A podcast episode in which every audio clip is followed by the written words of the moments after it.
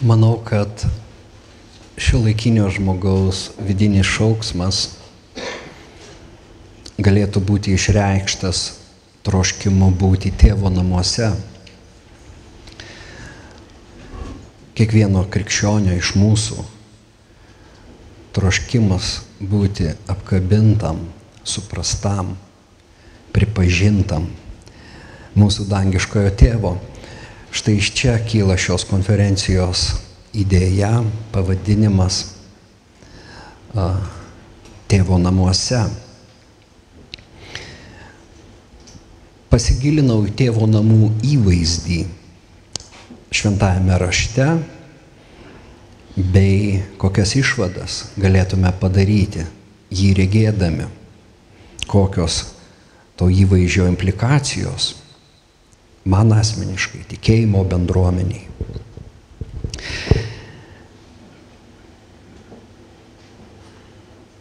Visų pirma, tėvo namų įvaizdį Senajame testamente formuoja Izraelio patriarchų, kurie tikėjo Jahvės pažadais ir tarnavo jam gyvenimas. Be abejo, visos mūsų tikėjimo šaknis yra Senajame testamente, prasideda apreiškimas, apreiškimo užuomasgos, jų ieškome Senajame testamente, tai ir tėvo, tėvo namų, kągi Biblija kalba apie tai. Ir štai patriarchai, pradžios knygoje, Izraelio patriarchai, Abromas, Izokas, Jokūbas, net iki Abromo Nojus jau pradeda formuoti pagarbą tėvui ir gyvenimui tėvo namuose, suvokimui, a, kad tai yra ta vieta, mm, kurioje, na, mokomės gyventi. Tėvas yra šeimos kunigas, aprūpintojas ir globėjas. Ir penkiaknygiai įtvirtina tėvo orumą kaip gyvenimo ir žmogiškumo šaltinį, kaip dorovės principų pamatą. Niekinti tėvą gali tik nedoras sunus. Ir mes turime Hamo istoriją.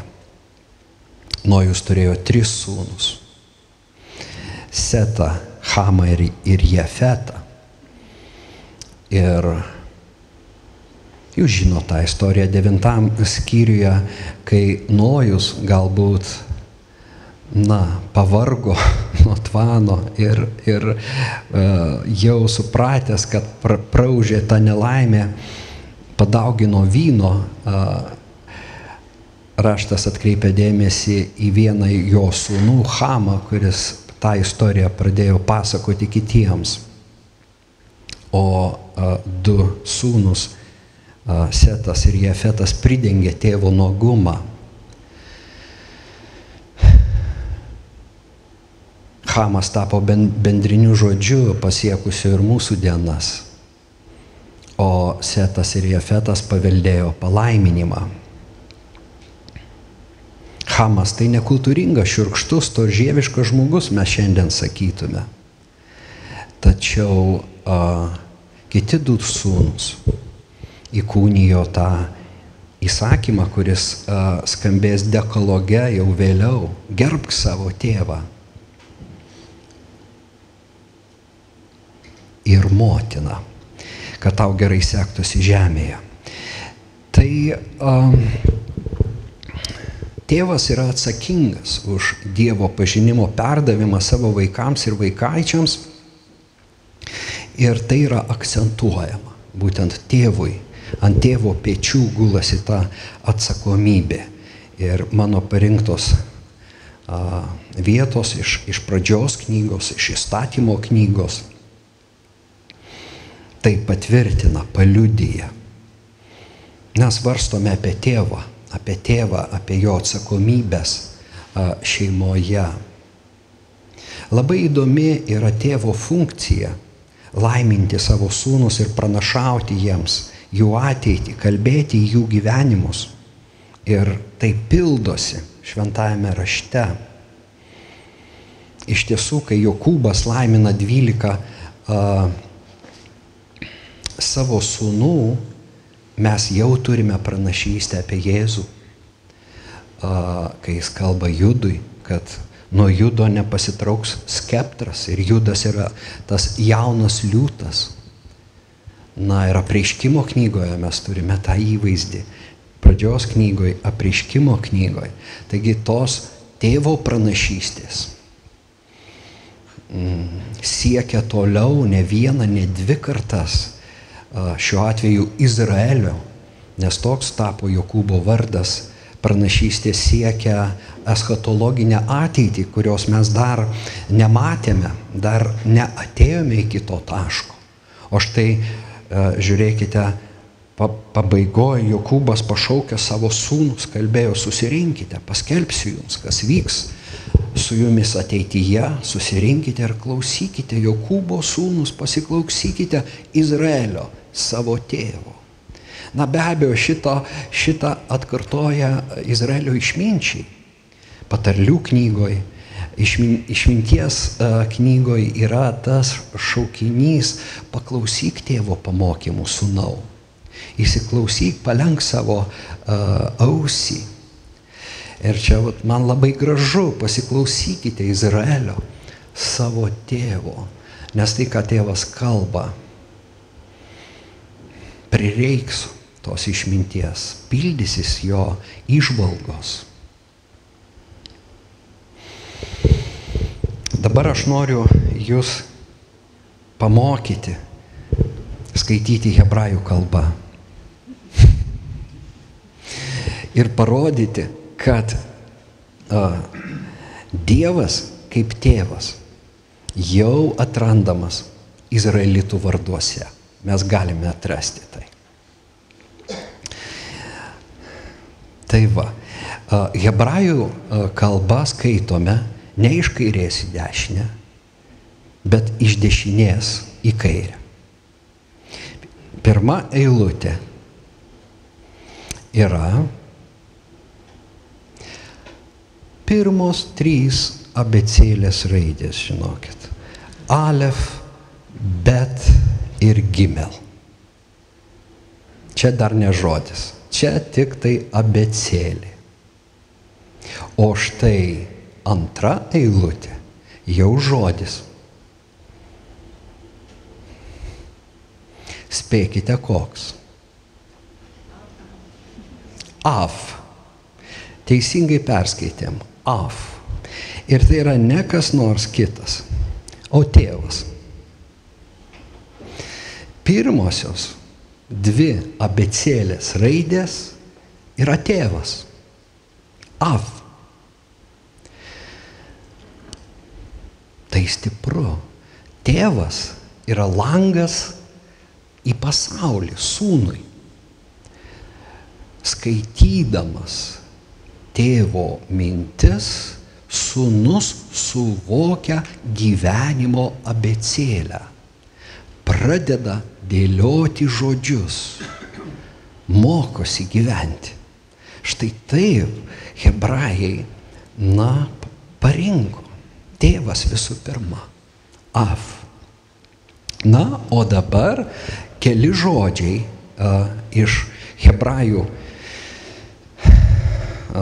vardyno, ar su, vardai sutinkami Senajame testamente. Pirmas yra Joaf. Žiūrėkit, Joaf. Ir jeigu atidžiai stebime, mes vėl matome tą av, ar ne, atsikartojantį.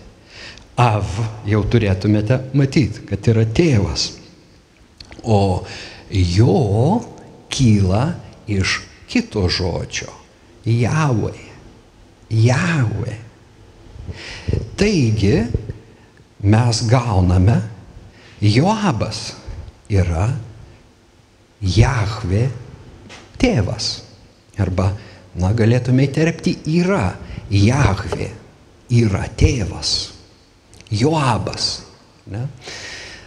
Na va, duoda vaikui Joabo vardą ir tuo pačiu jau išpažįsta, kad Jahve yra tėvas.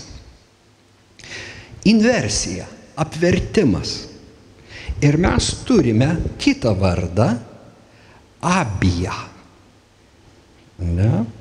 Abija vėlgi dabar tas uh, af kartais tarėsi uh, avijah, iš tiesų čia turėtume tarti avijah. Uh, tai va, bet ta hebrajiška V gali sukėtėti ir būti ab. Tai va, tai mes turime af ir gale, javė persikėlė į galą.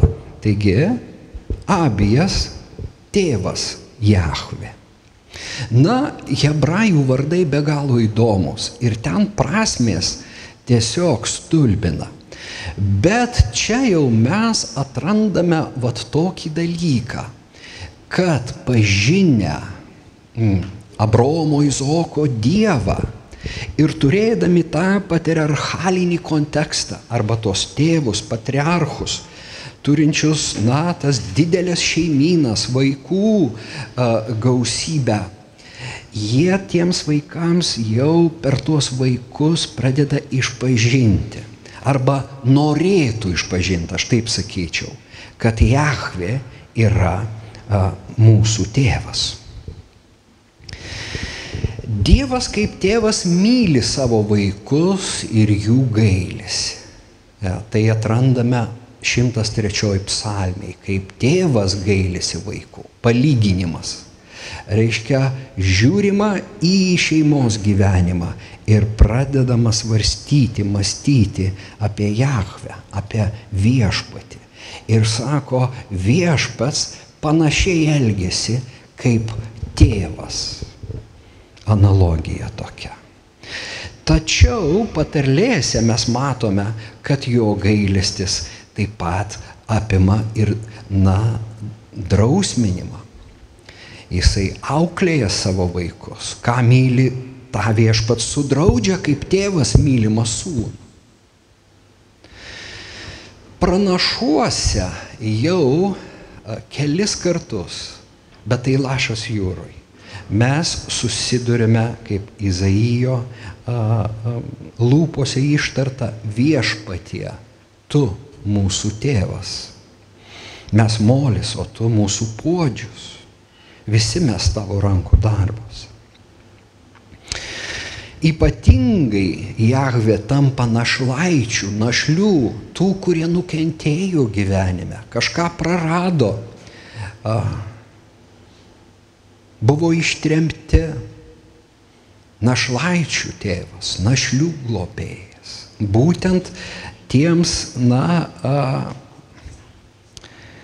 kenčiantiems Dievas ypatingai pradeda jau rodyti savo tą tėvišką globą, a, taip svarsto, taip pripažįsta, a, na, psalmininkai, gėdodami, kurdami psalmes. Na ir be abejo ateinama iki to, kad a, viešpats man tarė, tu mano sunus šiandien tave pagimdžiau iki to, kad Dievas bus mesijo tėvas. Štai iki tiek, aš manau, ateina Senojo testamento prieškimas, kad Dievas bus pateptojo karaliaus, tai yra mesijo tėvas. Tai yra mesijinė psalmė ir ten akivaizdu, kad kalbama pastačiau karalių savo šventam kalne ir tarnaus uh, tautos pagonys. Žodžiu, kalbama apie mesijinę karalystę. Ir tada sakoma, kad tas karalius bus Dievo sūnus. Naturali išvada peršasi, kad jis, uh, tai yra Dievas, yra tėvas. Žinokit, tai be ne viskas, ką Sename testamente, jeigu ieškosite, rasite apie Dievą tėvą. Ir iš tiesų, pirmasis kreipinys viešpatė, tėvė ir mano gyvenimo valdovė, nepalik manęs, nuskamba jau tarp testamentinių periodų, taip vadinamų antrosios šventyklos periodu. O tas periodas jau pasižymi graikų įtaka žydų mąstytojams. Ir uh, užrašomos tik graikų kalba Siracido knyga, tokios knygos kaip Siracido knyga. Ir atrodytų nusteptume, kad būtent Siracido knygoje pirmą kartą be ne Senajame testamente nuskamba kreipinys, tai yra maldininko kreipinys į Dievą kaip savo tėvą.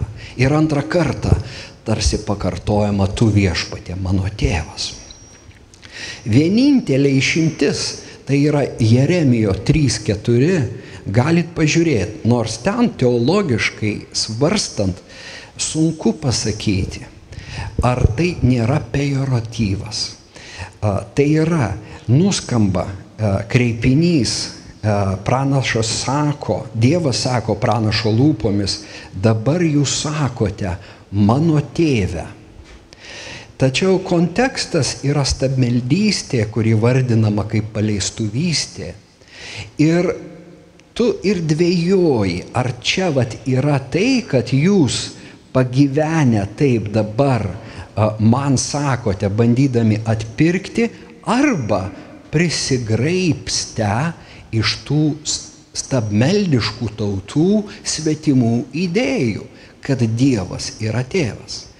Kad toks požiūris galimas ir labai tikėtinas, na, teologai pripažįsta. Manoma, kad hebrajai vengia visgi, ne, nežiūrint mano parodytų pavyzdžių, vengia Dievą vadinti tėvą, tėvu, palikdami tėvo ir sunaus bendrystę Dievui ir jo mesijui O tauta su Dievu labiau bendrauja per sandoros prizmę. Sutarties, sutarčių pagrindų, o ne tėvystės, reiškia namų, namuose egzistuojančio įstatymo pagrindu. Tačiau panašu, vėlgi panašu, kad graikų įtakoj na, prasideda žydų diaspora ir natūraliai, kai graikai tampa pasaulio valdovais per na, makedonietį, Aleksandrą makedonietį, ta įtaka paplinta, čia neverta apie tai išnekėti, e, tai atsiliepia ir hebrajų mąstymui, hebrajų minčiai. Ir čia, na, kaip patvirtinimą, aš uh, parenku Platoną, tačiau galima uh, ieškoti jau anksčiau. Graikų mitologijoje Dzeusas yra tėvas, jis yra vyriausias, Dievas tėvas. Uh, ir Platonas nėra vienintelis graikų mąstytojas, kalbantis apie na, kūrėją kaip tėvą. Bet šita citata yra pritrenkinti ypač skaitant tai graikų kalba, rasti visą, ko kurėja ir tėvą, graikiškai poeteskė patertų pantos, na, poetes yra kurėjas, pater tėvas, o tų pantos tai yra visa ko kurėjas ir tėvas, na, galėtų būti net ir visatos kurėjas. Sunkus yra sunkus darbas, o radusiam neįmanoma apie tai visiems atskleisti. Kosmosas nuostabiausias iš viso, o demiurgas, meistras, dabar demiurgas yra tas žodis graikų filosofijoje labai paplytęs, kuris mane kažkada gazdindavo. Aš pamenu, kai pirmą kartą pradėjau skaityti bažnyčios tėvus ir, na, gilintis į, uh, daryti pirmosius žingsnius gilindamasis į bažnyčios istoriją, tas demiurgo atradimas mane taip gazdino, man tai buvo tokia svetimybė. Bet dabar, kai man tenka versti Naują Testamentą iš senosios graikų kalbos, staiga aš demiurgą atradau laiškę hebrajams. Ir, ir kalbama apie iš tiesų Dievą, kad Abromas laukė miesto, kurio e, miesto su pamatais, kurio menininkas ir, na va, kuriejas, tas va, demi, demiurgos, demiurgas yra Dievas. Žiūrėkime, vėl čia galėčiau aš bandyti, na, įdomiai pamastyti apie laiško hebrajams sąsajas su Aleksandrijos mokykla, kad labai panašu, kad autorius buvo iš Aleksandrijos, nors tradiciškai laiškas priskiriamas yra, na, apaštalui Pauliui, bet mes neturim tam laiko. Šiuo atveju mano mintis būtų tokia, kad tai mums padeda suprasti, kad idėjos apie Dievą kaip visatos kurėją ir tėvą, arba Dievą, dievų tėvą. Vėlgi laiškas hebrajams sako, jis dvasių tėvas.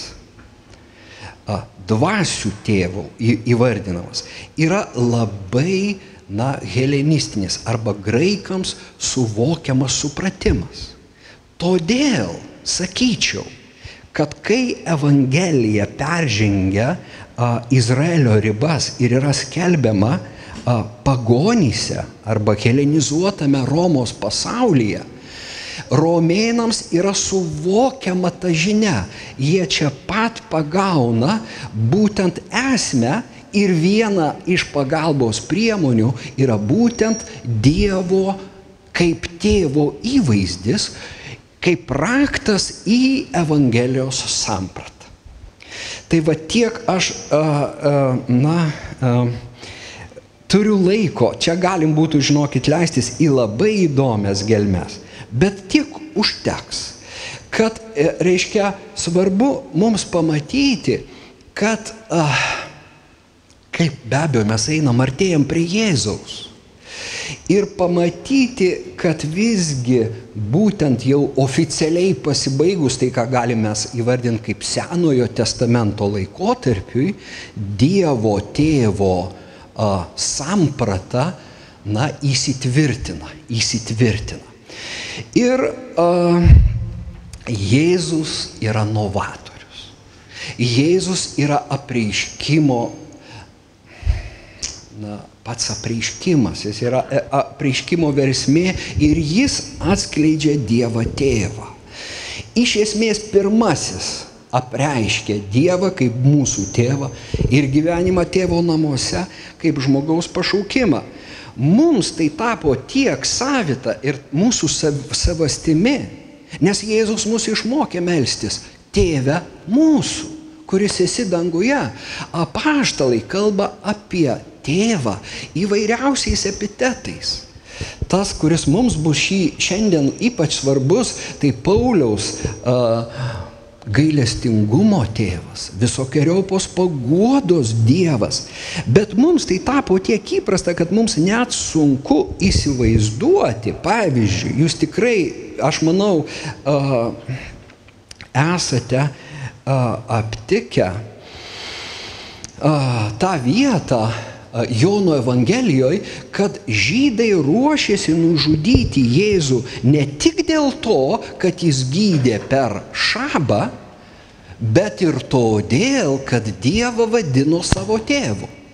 Aš niekaip nesuprasdavau, kodėl dabar Dievu vadinti savo tėvą yra blogai ir na, nusikaltimas vertas mirties bausmės, bet tam pridedama, nes jis tuo darė save lygių Dievui.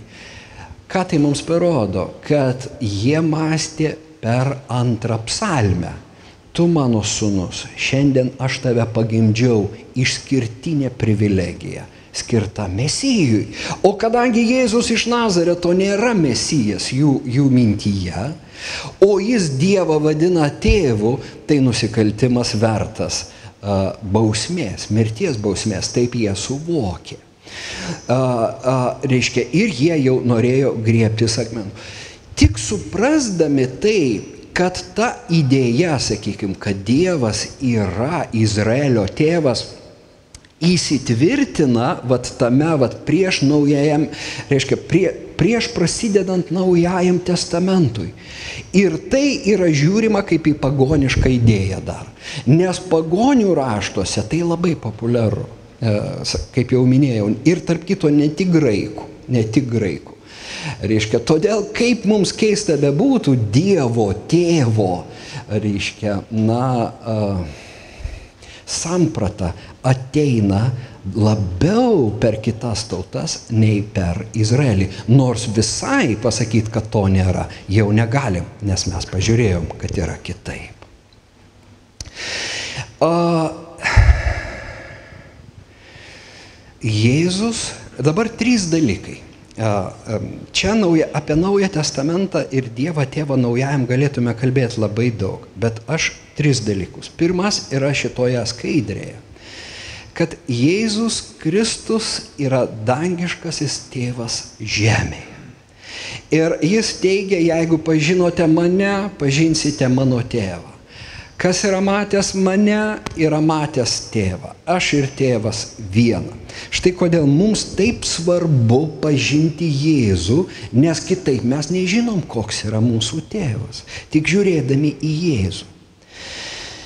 Ypač gražus išsireiškimas yra būtent Hebrajams 1.3, kur pasakyta, kad Jėzus yra Dievo šlovės spindesys ir jo esybės atspaudas. Ir va čia skaitant graikiškai staiga nustembi, nes perskaitai charakter ties hupo, hupostasijus autų. Ir charakter mes visi suvokiam, kad tai yra žodis charakteris, iš čia ateina į visas kalbas, tampa tarptautiniu žodžiu, bet tai verčiama dabartiniam vertime yra paveikslas, čia jau iš naujo vertimo, kad atspaudas, nes charakter reikšmės yra anspaudas, atspaudas, ženklas, raidė, charakteris, būdas. Dabar žiūrėkime, į kur tas atspaudas uždėtas. Atspaudas tėvo atspaudas uždėtas molyje, įspaustas į molį. Štai kodėl Paulius gali vadinti Jėzų antruoju, antruoju Adomu. Kaip Dievas įputė savo gyvybę į pirmąjį Adomą ir sukūrė žmogų pagal savo atvaizdą ir panašumą. Taip čia mes turime vėl molį antrą Adomą be nuodėmės, į kurį įspaudžiamas Dievo charakteris, jo esybės, na, esmė, e, jo ženklas. Jo raidė, netgi raidė labai įdomu, nes Jėzus prisistato per Joną kaip alfa ir omega. Štai kas yra Jėzus. Jėzus yra tėvo išraiška. Žiūrėdami, matydami Jėzų mes pamatome tėvą. Na, eikime prie namų, tėvo namų. Henry Naueno knyga Sūnaus palaidūno sugrįžimas yra iš, viena iš tų knygų, kurias verta skaityti. Aš pradėjau ją skaityti dabar, nors esu jau skaitęs ne kartą, prieš va šią konferenciją ir sakau, aš niekad nemačiau, kad jis taip kalba gražiai. Bet jis sako, namai tai mano esybės centras, jame galiu išgirsti balsą sakantį, tu esi mano mylimas sunus, kuriuo aš geriuosi. Na, o a, palyginime apie du brolius, kas yra mano antras pasirinkimas. O trečias bus mano tėvo namuose yra daug kambarių, Tai va aš apie, noriu palyginimą apie du brolius pamatyti tėvą ir mus, nes mes reprezentuojame vieną iš sūnų, o gal ir iš karto abudu tam tikrais etapais savo tikėjimo kelionėje. Bet namai yra ta vieta, kur tu išgirsti žodžius pasakytus Jėzui, tu esi mano mylimas sunus, kuriuo aš geriuosi. Kaip gerai išgirsti šitos žodžius širdyje ir saugoti juos, kai kalba pats Dievas, kad tu esi mano sunus, tu esi mano duktė, aš myliu tave dar daugiau, aš žaviuosi tavim, be galo žaviuosi. Na, o iškeliauti iš namų tai daugiau nei istorinis įvykis, tai neigimas tikrovės kurioje aš priklausau Dievui kiekviena savo esybės dalelyte, kurioje Dievas saugiai glaudžia mane amžiname glėbėje, kurioje esu įrėžtas Dievo delnuose, vėlgi įrėžtas. Čia aišku aluzija į Izaijo pranašystę ir paslėptas jo šešėlyje.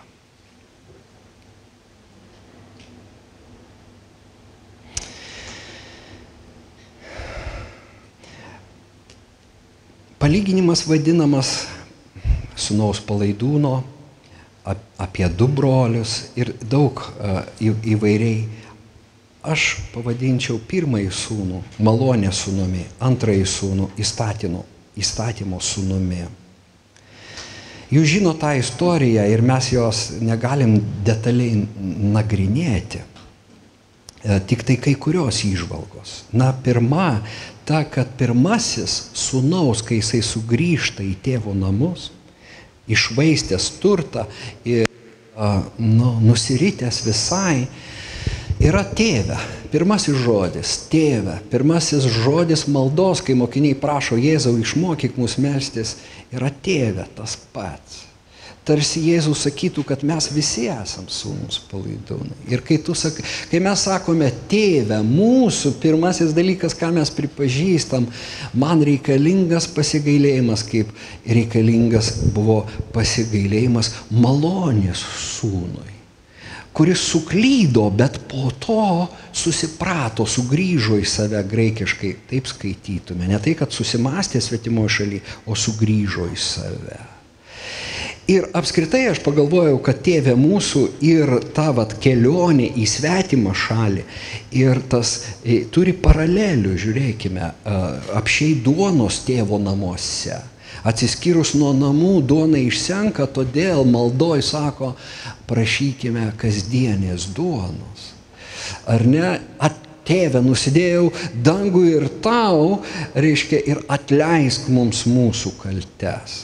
Tos paralelės kažkaip labai tarptų, nors vieną papasakojo Lukas, na, bet tiesa, malda yra ir pas Luką, ne tik pas Matą, tėvę mūsų. Kai, sunus sako, tėve nusidėjau tą dangų ir tau, tai yra jo, jo širdies šauksmas, gelmė šaukia gelmiai, skaitom psalmėje. Ir čia sunus šaukia iš gelmių, nesuvertas vadintis tavo sunumi. Į ką tėvas atsako? Tėvas yra širdies. Taip, leiskit pasakyti, na, tėvas bet koks šauksmas iš širdies suvirpina jos stygas, jis išgirsta iš kur. Iš kur? Formali malda tikriausiai Dievo niekada nepalies. Jisaigi mūsų kurėjas, bet štai šita malda suvirpina. Nebereikia aiškintis, nebereikia jokių, na, atgailos ritualų. Viskas užskaityta, čia pat atleista ir sako, atneškite tą geriausią drabužį, graikiškai pirminį drabužį. Todėl e, teologai svarsto, kad greičiausiai čia yra tas Adomo vėlgi atstatymas. E, pirminį, tai kas buvo pradžioje, tai kas prarasta. Na ir tada tas žiedas, pripažinimas jo palikimo, tau viskas priklauso, nieks nedingo, nors tu išvaistėjai, tau toliau priklauso mano turtai. Ir a, aišku, na, visas kontekstas kalba apie džiaugsmą. Trys palyginimai visuose minimas yra džiaugsmas ir, su, ir šitame palyginime valgykime ir linksminkime malonės sunus, malonės tėvas, gailestingumo tėvas. Tada scenoje pasirodo įstatymo sunus. Pasitelkiu rytų ir vakarų teologus. Antony Blumą, Antonijų Surožietį žinoma ir taip, jis niekada neįsivaizdavo, kad tėvo, sūno, tėvo ir sūnaus santykiai lemia ne darbas, bet širdis ne pareiga, bet meilė. Įstatymo sūnus šito niekada negali suvokti. Nors jam reikia, jam reikės, jeigu jis nori pasilikti tėvo namuose, jis turės tą pripažinti. Dabargi jisai sako, štai jau tiek metų tau tarnauju. Graikiško, e, graikiškam tekste duleo, tai yra galima sakyti, štai tiek metų tau vergauju. Čia pilnas apmaudo a, išpažinimas ir niekada tavo įsakymo neperžengiau. Įstatymo sūnus. Na, a, Josefas Ratzingeris kalba taip, kartėlis dėl Dievo gerumo išduoda šito įstatymo sunaus vidinį kartėlį dėl parodyto klusnumo. Jis paklūsta, bet viduj apkartęs, išryškinant iš šio klusnumo ribas. Viduje matyti irgi buvo trokštama iškeliauti į didžiąją laisvę. Tylomis pavydima to, ko gali sauliaisti kitas nepatirtą klajonių apvaliusių jaunesnį brolį ir leidusių jam pažinti, kas yra laisvė, ką reiškia būti sunumi. Laisvė, tiesą sakant, tebe jaučiama kaip vergystės jungas ir dar nesubręsta iki tikrosios sūniškos būties. Ir Hendrinauenas Labai sunku kalbėti apie apmaudingo šventojo pražūtį, nes jis teigia, kad pražuvę yra abu sūnus. Tiek tas, kuris iškeliavo, tiek tas, kuris buvo namuose, bet nepažino tėvo širdies. Todėl jis irgi pražuvęs. Bet labai sunku kalbėti apie šią pražūtį, nes ši pražūtis glaudžiai susijusi su jo troškimu būti geru ir dorybingu. Jisai sako, išoriškai šis sunus gyvena nepriekaištingą gyvenimą. Jis neperžengė jokių įsakymų, apie kokią tu pražūtį kalbi, apie kokią atgailą čia galima šnekėti, bet vad būtent jaunėlio sugrįžimas į namus atveria, kad, vi, kad ten yra toli gražu netvarka, gili netvarka ir tas vat, apmaudas, galbūt paslėptas pavydas.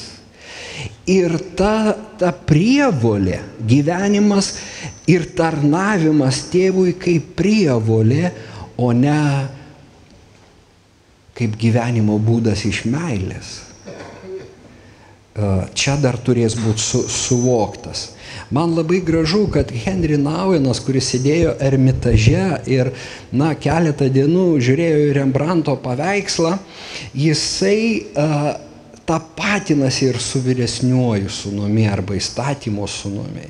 Įdėmiai žvelgdamas į save ir tyrinėdamas mane supančių žmonių gyvenimus, dažnai galvoju, kas atneša daugiau žalos - geiduliai, čia malonės sunus ar apmaudas, čia įstatymo sunus. Teisėjai ir teisingieji taip dažnai būna kupini apmaudo. Šventieji, kabutėse, taip mėgsta teisti, smerkti ir kaltinti kitus. Žmonės besistengiantis bet kokią kainą išvengti nuodėmės, taip dažnai būna sukaustyti pykčio. Todėl implikacija yra tokia. Nesvarbu, ar šiandien tu būtum labiau jaunesnysis sunus ar vyresnysis. Aš sakyčiau, na, visai nesvarbu, esi pašauktas tapti tėvu. Dievo tėvo įvaizdis kalba apie mūsų pašaukimą. Ne tik atrasti malonę, gailestingumą ir priebėgą tėvę, bet atradus patiems spinduliuoti tai, ko be galo visiems žmonėms reikia. Žmonėms reikia tėvų, motinų, mylinčių, suprantančių, atjaučiančių, apkabinančių, esančių drauge. Visiems, visiems be galo reikia. Vaikai, kurie auga vaikų namuose, jie, jie tai išgyvena fiziškai. Mes, krikščionys, Dievo vaikai, tai išgyvenam trūkumą. Bažnyčioje trūksta tėvų, atspindinčių. Va čia yra mūsų iššūkis šiandien ir žiūrint į rydieną, jeigu bendruomenė, tikėjimo bendruomenė tampa priebėgos miestų, kuriame gali pasislėpti nusikaltelis, kaip buvo Senojo testamento metu, jį išpildys savo pašaukimą. Na ir dabar jau visai baigiant, nes laikas spaudžia Ir klebonas kestutis atėjo.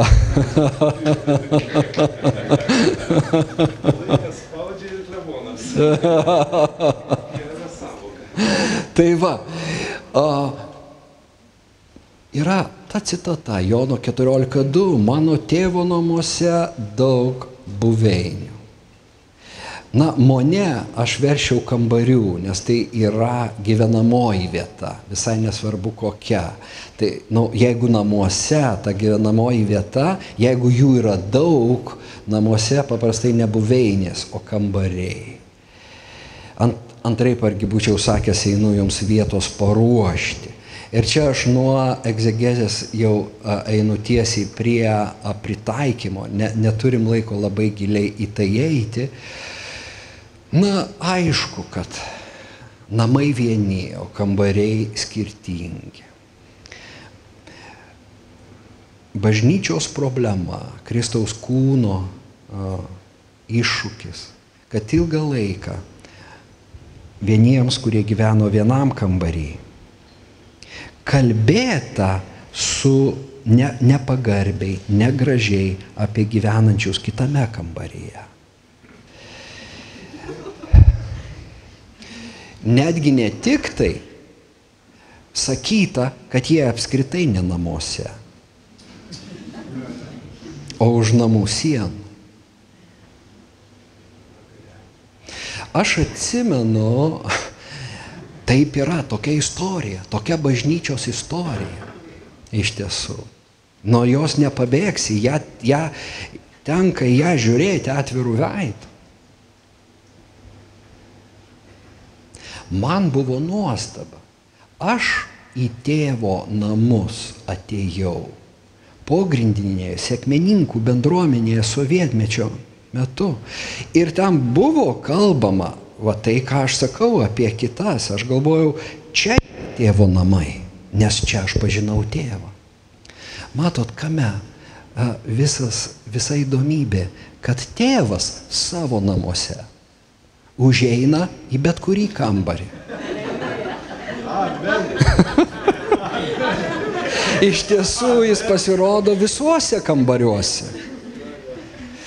Ir susitikimas su tėvu paliūdija, aš tėvo namuose. Bet mes užmirštame, kad jis ir į kitą kambarį užėjai. Kad ten taip pat vyksta tie susitikimai. Yra tokia Senojo testamento istorija, dabar mes tam a, laiko jau tikrai nebeturim, aš tą kartuoju ir kartuoju Dievę.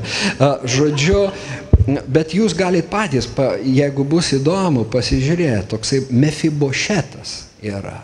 Luošas Mefibošetas, kuris sėdėjo prie Davido stalo, bet jis buvo iš Sauliaus giminės.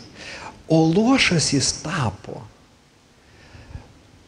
todėl, kad kai Dovydas tapo karalium, o ten vyko, na, karas įtampos, buvo taip kalbama, jis susidoro su Sauliaus palikonėmis ir jį auklė paėmė, bėgo, nešė, jis krito ir tapo lošas.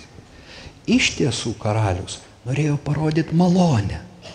Tačiau va tie šme, šmeištai, a, žiūrėjimas įtarus, a, galim sakyti, sulošino tą žmogų visam gyvenimui, nors jis buvo, na, trokštama jam parodyti malonę. Taip dažnai yra ir dvasinė prasme. Mes esam suluošinti kalbų, kokie blogi tie žmonės tam kitam kambarį. Kaip baisu ten užeiti. O jeigu užeisi, susitepsi. Uh, Ir taip toliau, ir taip toliau. Čia, čia jūs, jūs visi gerai tai žinot. Mano iššūkis, mano raginimas, aš, įs, aš įsitikinęs, kad šiandien imperatyvas yra toks. Atverkime savo kambario duris ir apsižvalgykime po tėvo namus. Mes pamatysim tiek turtų tuose kambariuose. Pamatysime ir savo skurdą Bet tėvo namuose galima skolintis. Tu užeini ir pasiskolini iš to paveldo, kuris kažkokiu būdu aplenkė mano protėvius. O ten yra. Ir lygiai taip pat mano tėvai sukaupė kažkokią patirtį, kuri praturtins kitą. Štai kodėl. Gyvenančius kitam kambarį, štai kodėl suojimai tokie kaip šiandien iš skirtingų kambarių į vieną vietą, išpažįstant, kad turime vieną tėvą danguje, yra tokie svarbus. Jie išvedina tą orą, blogą orą, atmetimo, atstumimo ir vietoj to atneša atgaivą, gaivą ir mūsų pašaukimą mylėti. Jėzus šitą mano tėvo namuose daug kambarių pasako po to, kai 13 skyriaus pabaigoje jis pasakė, štai duodu jums naują įsakymą, kad mylėtumėte vienas kitą, kaip aš jūs pamilau. Toks yra mūsų pašaukimas.